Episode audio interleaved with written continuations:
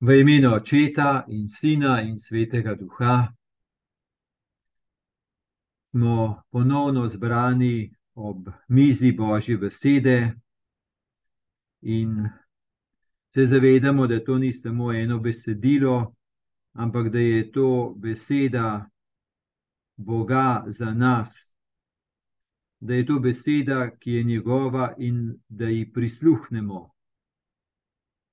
Zato želimo vstopiti v to poslušanje, v drži, da stopamo v odnos, v odnos poslušanja in se obračamo tebi, Bog, ki nam govoriš, in želimo slišati tvojo besedo in se pustiti nagovoriti od tvoje besede.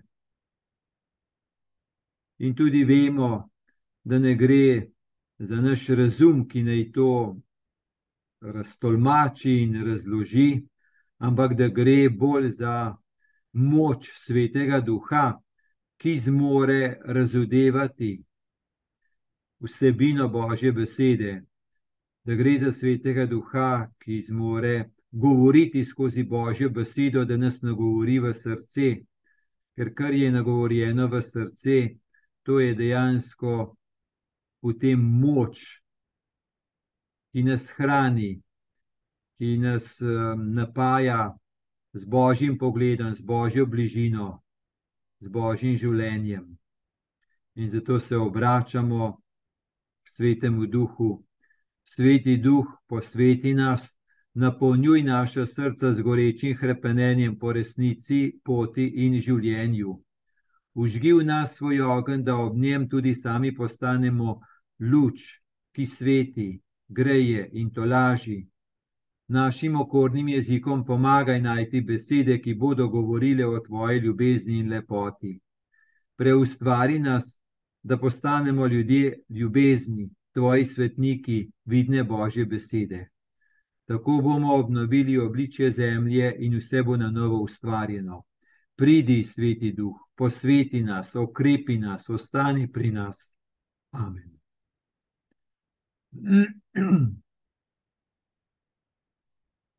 No, poglejmo odlomek, ki nam je dan.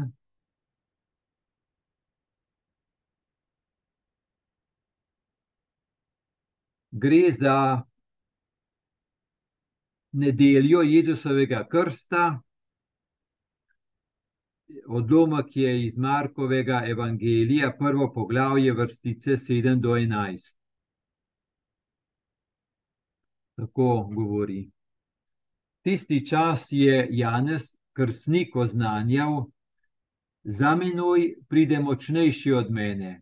In jaz nisem vreden, da bi se sklonil pred njim in mu odvezal jerme njegovih sandal. Jaz sem vas krstil z vodo, on pa vas bo krstil svetim duhom. Tiste dni je prišel Jezus iz Nazareta v Galileji, in Janez ga je krstil v Jordanu. Brž, ko je stopil iz vode, je zagledal nebesa odprta in duha, ki se je spuščal naden, kakor golob. In zaslišal se je glas iz nebes: Ti si moj ljubljeni sin, na teboj imam veselje.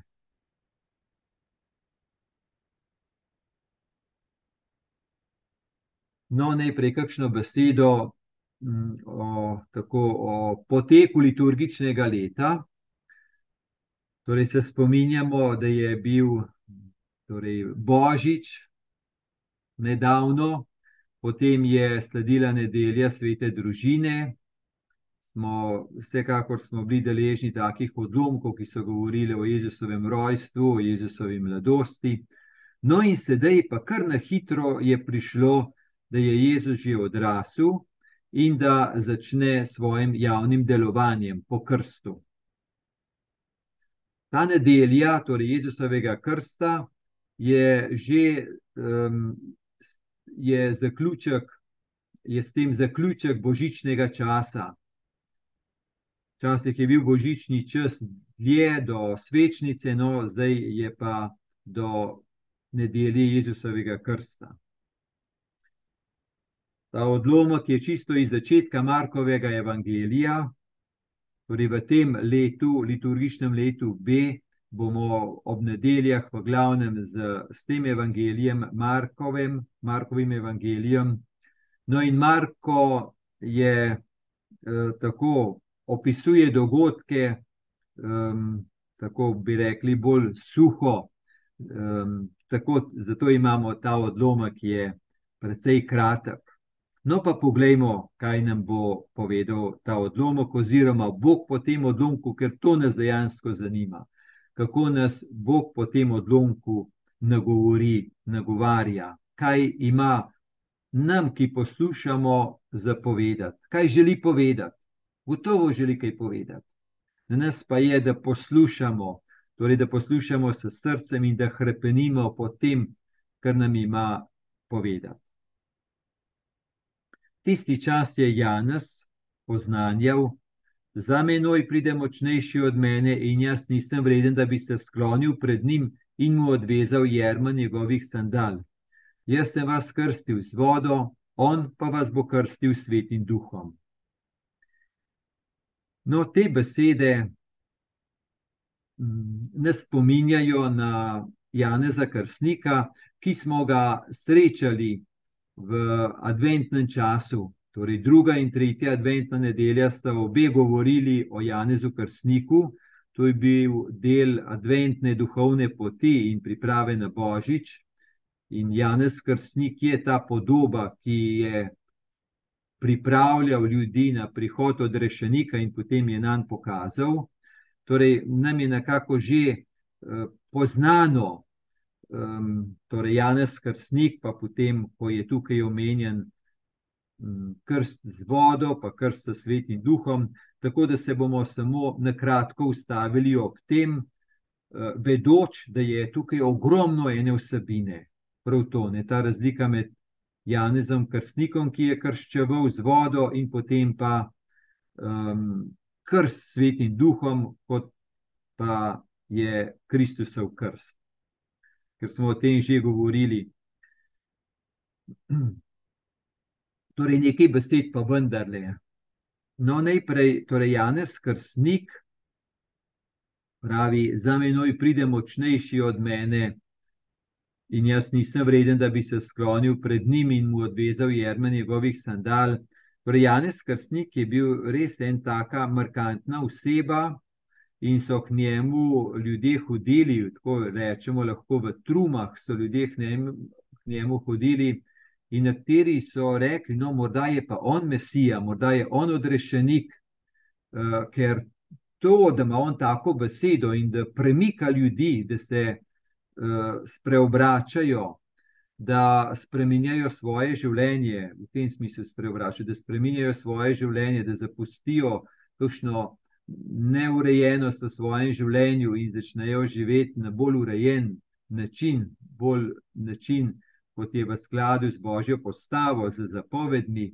Torej, da je imel on eno tako posebno moč, da je Bog tako po njem deloval, so mnogi mislili, da je on odrešenik, No, in on je močno povdaril, da jaz nisem odrešenik, jaz sem samo v službi odrešenika Kristusa, ki bo prišel. No, ta uh, ponižnost je res lepa na njem, pa dragocena. In vemo, da ponižnost ni v tem, da bi se on v nič dajal, da bi rekel, da jaz nisem nič. Ponižnost je v tem, da je on poznal velikega Kristusa in pred njim je bil on majhen v tem smislu. Torej, da smo mi ponižni, se ni treba v nič dati, ampak je to, da poznamo nekoga, ki je velik, ki je velik v ljubezni, torej Gospoda, in pred njim smo pa vsi res majhni. Pred zastonsko božjo ljubeznijo, ki vse zaobjema, smo pa mi res majhni. In s tem ponižni, potrebni božje ljubezni, krepeneči po božji ljubezni, vsi po vrsti. In to je ponižnost, pomeni odprta drža za božji dar ne pa to, da bi se v nič dajali. To je patologija, to, to, ni, to ni nič zdravega v tem, da bi se mi v nič dajali. Ampak da bi se odpirali velikemu odrešeniku, edinemu odrešeniku. Torej, Janez Krstnik pravi: Jaz sem vas krstil z vodo, on pa vas bo krstil s svetim duhom. Torej, če poskusimo zelo na kratko reči, je to. Ne? Torej, Janez Krsnik um, je ljudem pomagal prepoznati in se zavedati, da živijo neurejeno in zgrešeno. Um, naprimer, se spominjamo, ko je rekel, um, je rekel: Ne terjajte nič več, kakor vam je ukazano, ali pa vojakom, ne bodite do nikogar nasilni, nikogar ne trpinčite, in tako naprej. Ne. Se pravi, jim je rekel: Bodite pošteni, živite v skladu z božjo postavo, z zapovedmi. To je božja želja. In vendar se dajte že spremeniti, pa urejeno živeti v skladu z, z zapovedmi. In um, je že tako res, da človek potrebuje tudi tako besedo slišati. Zaradi tega, ker človek se vsega navadi, tudi svoje neurejenosti, tudi svoje zgrešenosti, se nekako toliko domači, da mu je bolj domače in poznano ena neurejenost, naprimer, da človek kar ostane v enih zamerah, jezah, kar v enih eh, neurejenostih, kar se kar navadi, se kar upraviči, kar reče: Ja, se ni tako hudo, ja, sej so vsi taki, ja, se ni tako. tako In je res potreben en kritičen glas, ki reče: Čakaj, malo, si še kaj drugega v tem življenju, eh, in je možna sprememba. No, tako da je Janez Krstnik s tem svojim krstom v vodi, torej je pomagal ljudem, da so začutili potreb, torej da so priznali svojo zgrešenost in da so zahrepeneli po očiščenju. In krst v vodi je prav to, da krst Janezov krst očisti, očisti grehov, da so lahko nekaj zadej pustili, rekli ne grehu in so skušali naprej drugače zaživeti. To je Janezov krst. Obenem je pa Janez Krstnik rekel, to še ni vse, da so grehi odplaknjeni in da se zdaj vi trudite, da živite bolj urejeno življenje, bolj moralno urejeno življenje. To še ni vse. Ampak vse je, ko prihaja Kristus, odrešenik, ker on bo pa prinesel svetega duha, on vas bo krstil v svetem duhu, ker on bo poln svetega duha. In bomo potem rekli, kaj je ta krst v svetem duhu. Ali pa tudi zdaj lahko rečemo. Torej, krst v svetem duhu je pa v tem, torej, da Kristus prinaša božje življenje. Če je eno je potopitev v vodo, ki jo očisti in odplakne grehe, in je tudi v tem že eno novo življenje, dopolnjenost božjega življenja, novega življenja, je pa to, kar Kristus prinaša od očeta, prinaša očeta, prinaša odnos z očetom, prinaša podobo očeta, ki je dober prinaša, torej sveti duh je, ki je ves med očetom in sinom, in sveti duh je, ki, nas, ki nam je dan, da nas povezuje z očetom in sinom.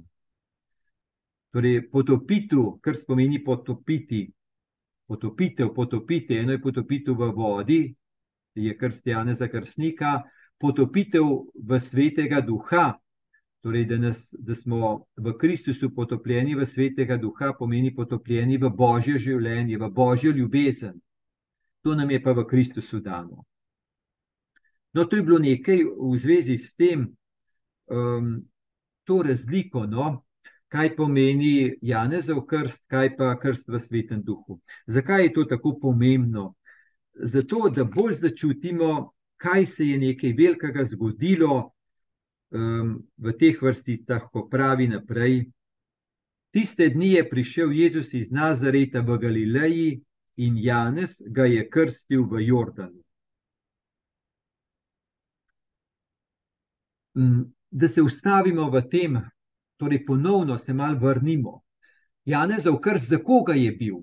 Krst Janeza krstnika v vodi v Jordanu. Za koga je bil? Torej, ta krst je bil za tiste, ki so bili grešniki. Torej, za tiste, ki so živeli neurejeno, recimo, naprimer, da so goljufali, da so bili nepošteni, naprimer, so omenjeni, prej sem omenil, cestninarje, pa uh, vojake, kaj jim je Janez Krsnik jim je rekel. In je dejansko rekel: živite pošteno, bodite dobri do ljudi, pošteni do ljudi, ne goljufati, ne biti nasilni do njih, ne zlorabljati svoje moči, nehite s tem. No, torej, krst Janeza Krstnika je bil namenjen grešnikom. Grešnikom, ki so na robe živeli in da jih je njegova beseda, torej krstnikova beseda, malo, pre, pre, no, malo pre, pregnetla, zato da so rekli, pa res, pa res, pa res, pa res to, kot delamo, kot živimo, ni v redu. Je res, dajmo se spremeniti, dajmo se spremeniti. Torej si lahko predstavljamo Janeza Krstnika, itak je v upodobitvah, takih klasičnih upodobitvah, torej kako je ob vodi v tem Jordanu in kako krščuje. Prihajajo ljudje in vidimo lahko prav eno vrsto, tudi v filmih je tako prikazano, eno vrsto, ki stoji pred, pred krstnikom oziroma pred vodo, da pridejo na vrsto da jih Janez Krstnik potopi v to vodo in da ta voda odnese greh in da gredo ven iz vode očiščeni. No, in to se pravi, v to vrsto, en za drugim, stojijo grešniki. In če jih mi vidimo, te grešnike, vsak ima kakšno maslo na glavi, kakšen ne, nepošten v tem, kakšen nepošten v drugem, kakšen je prizadel, pa okrog prinesel enega, kakšen je bil nasiljen do, do tega, do unga, do tretjega, kakšen bolj v, ne vem, do svoje žene, ali do svojega moža, ali do svojih otrok, kakšnih do bližnjih. Skratka, vsak je imel, ki, ki čakajo ja, za Janezov krst, vsak ima eno svojo grešno zgodbo. Vsak tudi eno hrpenenje po spremembi in eno upanje, da je možno drugače. In ena slutnja, da živeti na drugačen način je bolj polno, kot pa s tem, ne, da se med s tem goljufanjem, s tem zlorabljanjem drugih za lastne koristi, in tako naprej. Torej, vsak eno svojo zgodbo čakajo, vsak je v eni svoji zgodbi in premišljuje, si zamišlja, da bo stopil pred Janeza Krstnika, torej pred tega svetega moža, in da bo potem ven šel drugačen. No, in kaj se zgodi? Zgodi se to, da se v tej vrsti teh grešnikov, ki čakajo na Janezov krst, da se znajde in da se postavi Jezus, Jezus Kristus. No, tukaj v tem našem Markovem odlomku je na kratko rečeno, je samo v tem stavku, rečeno, tiste dni je prišel Jezus iz Nazareta v Galileji in Janez ga je krstil v Jordanu, je samo to rečeno. Če bi brali, naprimer, Lukovo varianto, um, oziroma v Mateju, naprimer, tam beremo to, um, da, da je nekaj dialoga med njima, da se Janez Krstnik, da se nekako čuti v zadregi, reče: Čakaj malo, Jezus, ne morem te jaz zdaj krstiti. Tako beremo v Mateju. Jaz bi se ti moral dati krstiti, pa ti hodiš k meni. Jaz bi se ti moral dati krstiti, pa ti hodiš k meni. Torej, Janez Krstnik je vedel, to, kar jaz počnem, je za, za ene grešnike, za en prvi korak, medtem ko pa dopolnitev je pa uh, Kristus. Torej, Janez Krstnik je rekel, kaj, kaj zdaj ti tukaj počneš, se veš, za koga je to. E, to, da jaz kaj od tebe, da me ti krstiš v svetem duhu, to že, ne pa da se ti daš krstiti in da si v vrsti z grešniki. To ni tvoje mesto, to ni moja naloga, to ni moje. To, torej je prav, da nas, da nas um, nekako tako, um, da nas uh, pretrese to, kaj to pomeni, da je Jezus stopil v vrsto z grešniki. Torej, Jezus, Božji sin, ki v tem smislu ni bil grešnik, prav gotovo ne, pa vendarle je stopil med grešniki. Da, da hoče biti solidaren s človekom, da se kar postavi med grešnike, da kar med njih gre. Dajmo pomisliti, kaj to pomeni, zato da bi bolj lahko začutili to božjo gesto v Kristusu, da se tako spusti. No, poglejmo, kaj pravite, če se mi res iskreno povprašamo, ali bi se mi hoteli postaviti v vrsto z grešniki. Ali pa smo vendarle tako narejeni, da bi hoteli biti mi boljši, boljši, ne pa nekako grešniki so tam nekje, ne, tam nekje, kaj imam jaz z njimi, grešniki so tam nekje. Kaj pa pomeni biti solidaren z grešniki? Torej, kaj pomeni izstopati? Ne? Oni so grešniki tam, jaz pa sem nekaj drugega. In če noč imeti z njimi, jaz sem pa nekaj. Torej, se kar potegnem ven, proč od njih. Ne? Kaj pa pomeni biti v vrsti z grešniki skupaj? Torej, ne govorimo zdaj o tem, da bi zdaj grešili tako kot drugi, ampak biti z njimi, biti med njimi. Ker vendarle, mi, mislim, da smo tako narejeni, da bi rekli: No, no, jaz pa nisem. Ne? Oziroma, tudi da ljudje, da bi nas tako gledali. Kaj pa pomeni biti solidaren z grešniki, biti med grešniki? Pač to ne pomeni, da moramo pa tudi mi tako grešiti kot drugi, ampak se edino zavedati, da smo vsi ljudje eni veliki reveži. In smo toliko večji reveži, ker, oziroma tako, torej smo vsi eni veliki reveži in vsi nosimo posledice zla. Na vse nas je zelo delovalo, vsi smo poškodovani od zla, eni bolj, eni manj. In je zelo razumljivo, da če so eni bili bolj poškodovani od zla, da je zelo možno, da tudi se bolj to pozna, ta poškodovanost. In če so bili poškodovani od zla, a so zdaj oni nujno krivi za to? Pač poškodovani so od zla. Torej, biti solidaren z grešniki pomeni, vsi smo eni veliki riveži, vsi smo poškodovani od zla in vsi potrebujemo odrešenja. In biti solidaren z grešniki tudi pomeni, da ne samo, da smo vsi poškodovani od zla, ampak da tudi vsi delamo zlo. Zdaj, ali v večji ali v manjši meri, to je pa drugo, Bog to ve koliko. Torej, solidarnost z grešniki pomeni res, da ni to primerjanje. Jaz sem pa boljši od drugih, oni so nemarni, jaz sem pa boljši in bi se kar potehnili ven. Solidarnost je pa res to, da smo vsi eni veliki reveži in vsi smo poškodovani. In vsi potrebni božjega usmiljenja in odpuščanja, in da ta največji dar božjega usmiljenja in odpuščanja, ki smo ga deležni v Kristusu, da to lahko delimo drug drugemu.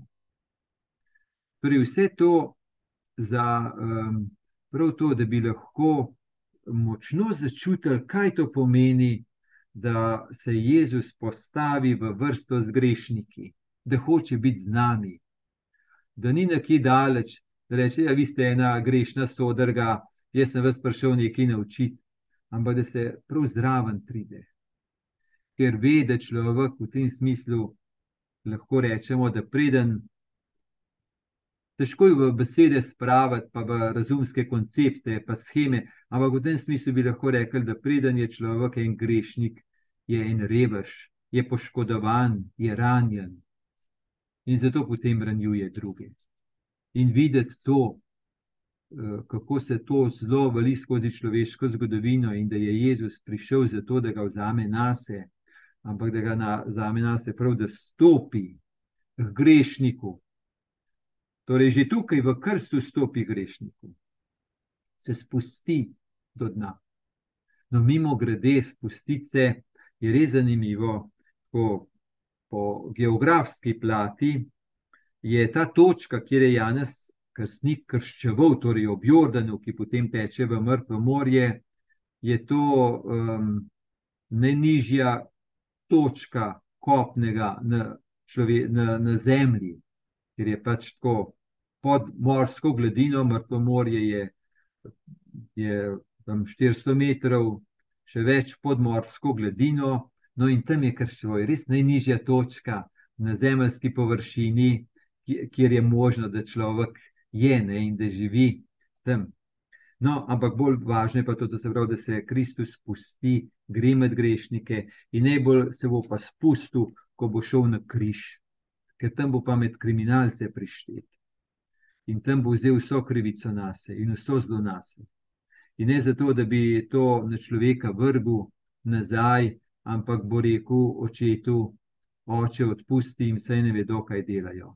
Slepi so, ranjeni so, vse pojma nimajo, kaj delajo. Delajo zelo, ker so tako poškodovani, ne jim prišteva tega. Jaz vzimam na sebe.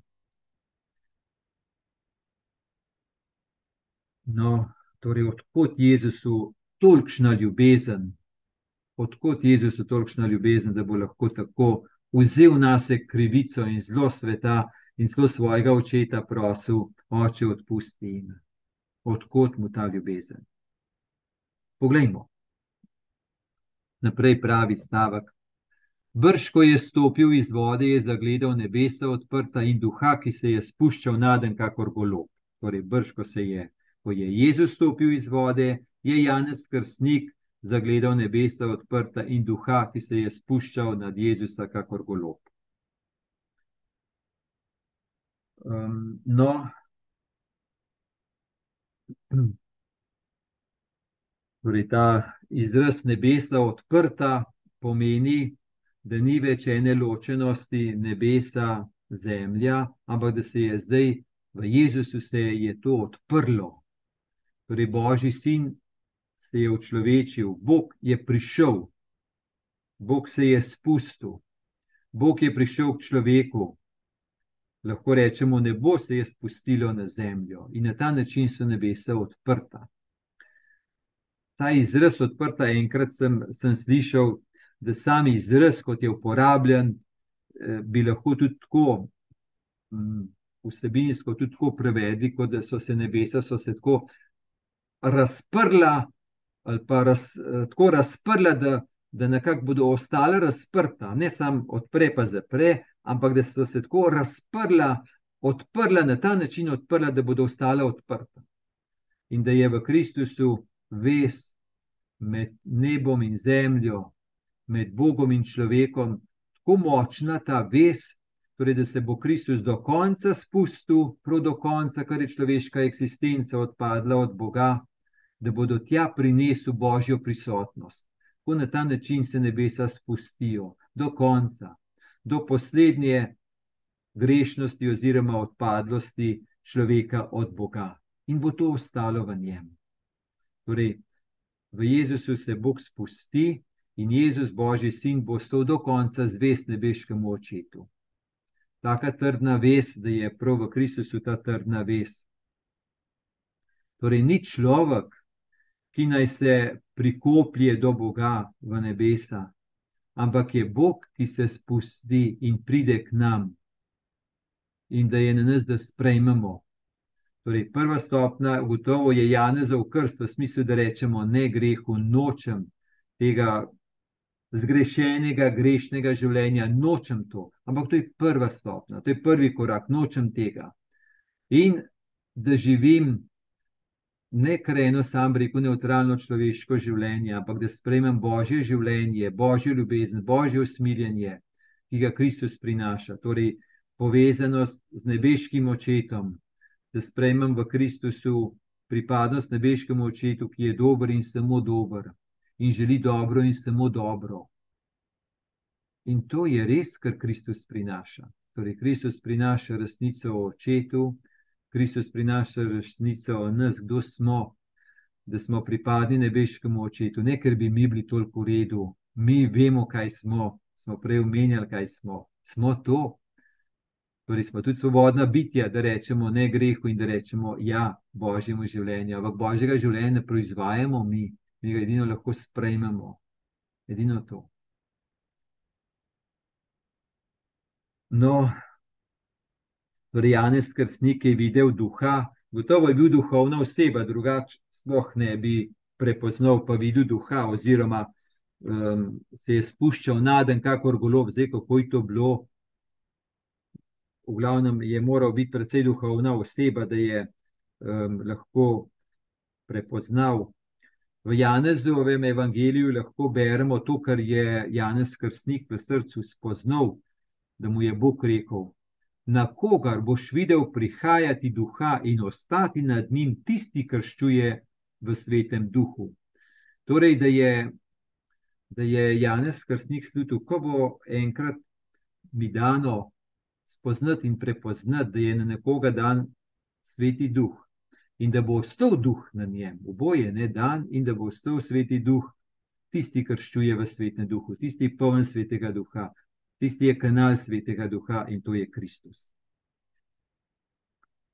No, zdaj pa še en stavek imamo zadnji, morda najbolj pomemben. In zaslišal se je glas iz nebes: Ti si moj ljubljeni sin, na teboj imam veselje. Ti si moj ljubljeni sin, na teboj imam veselje. No, ta stavek je gotovo nekaj, kar si je Jezus močno vtisnil v srce. Ne samo, da si je vtisnil v srce, kar je ohranjal v svojem srcu in kar ga je gotovo hranilo v tem, da je vedel, kdo je in kaj je njegovo poslanstvo. Torej, da je Božji sin in to ljubljeni sin, in da ima oče veselje nad njim. Torej, ljubljeni sin na teboj ima veselje. Ta glas, včasih kdo reče, da je ta glas zaradi ljudi, ki so, ostali, ki so stali zraven in da so tisti ljudje vedeli, da je Jezus Božji sin. Tudi to je res. Ampak tudi Jezus je potreboval to slišati. Prav te besede. Ti si moj ljubljeni sin, na teboj imam veselje, ker to bo Jezusova moč. Jezus nima moči kar sami sebe. Jezus ima to moč za poslanstvo, ljubiti do konca, razodevati očeta, povezano z očetom, eh, pripadnost očetu, živeti svobodo, svobodo ljubezni, polno življenja, eh, ki je v daritvi, ki je. Torej, Jezus bo to lahko živel v moči naveze z očetom in da je tako ljubljen, ker je tako močno ljubljen od očeta, bo lahko ljubil. Jezus nima sami sebe te moči, ampak iz naveze z očetom. To je njegova edina opora. A se bo lahko naslonil na svoje učence, mal že, ampak spet pa ne velik. A se bo lahko na druge ljudi, mal že, ampak ne velik. In bo edina trdna in stalna opora, bo odnos z očetom in Jezusova zvestoba očetu do konca, tudi za ceno lastnega življenja.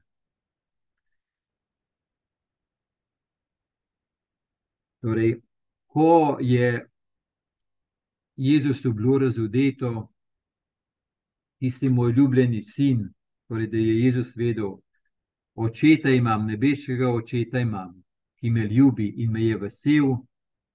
Um, torej, bo on to živel in to razudel nam. Um, mi v Jezusu nam je razude, razud, um, razudeto, um, kdo človek je, torej da je človekova identiteta, da pripada očetu. In v Jezusu vidimo, kaj pomeni pripadnost očetu, pripadnost ljubezni, pripadnost občestvenosti, pripadnost očetovi volji, očetovi želji.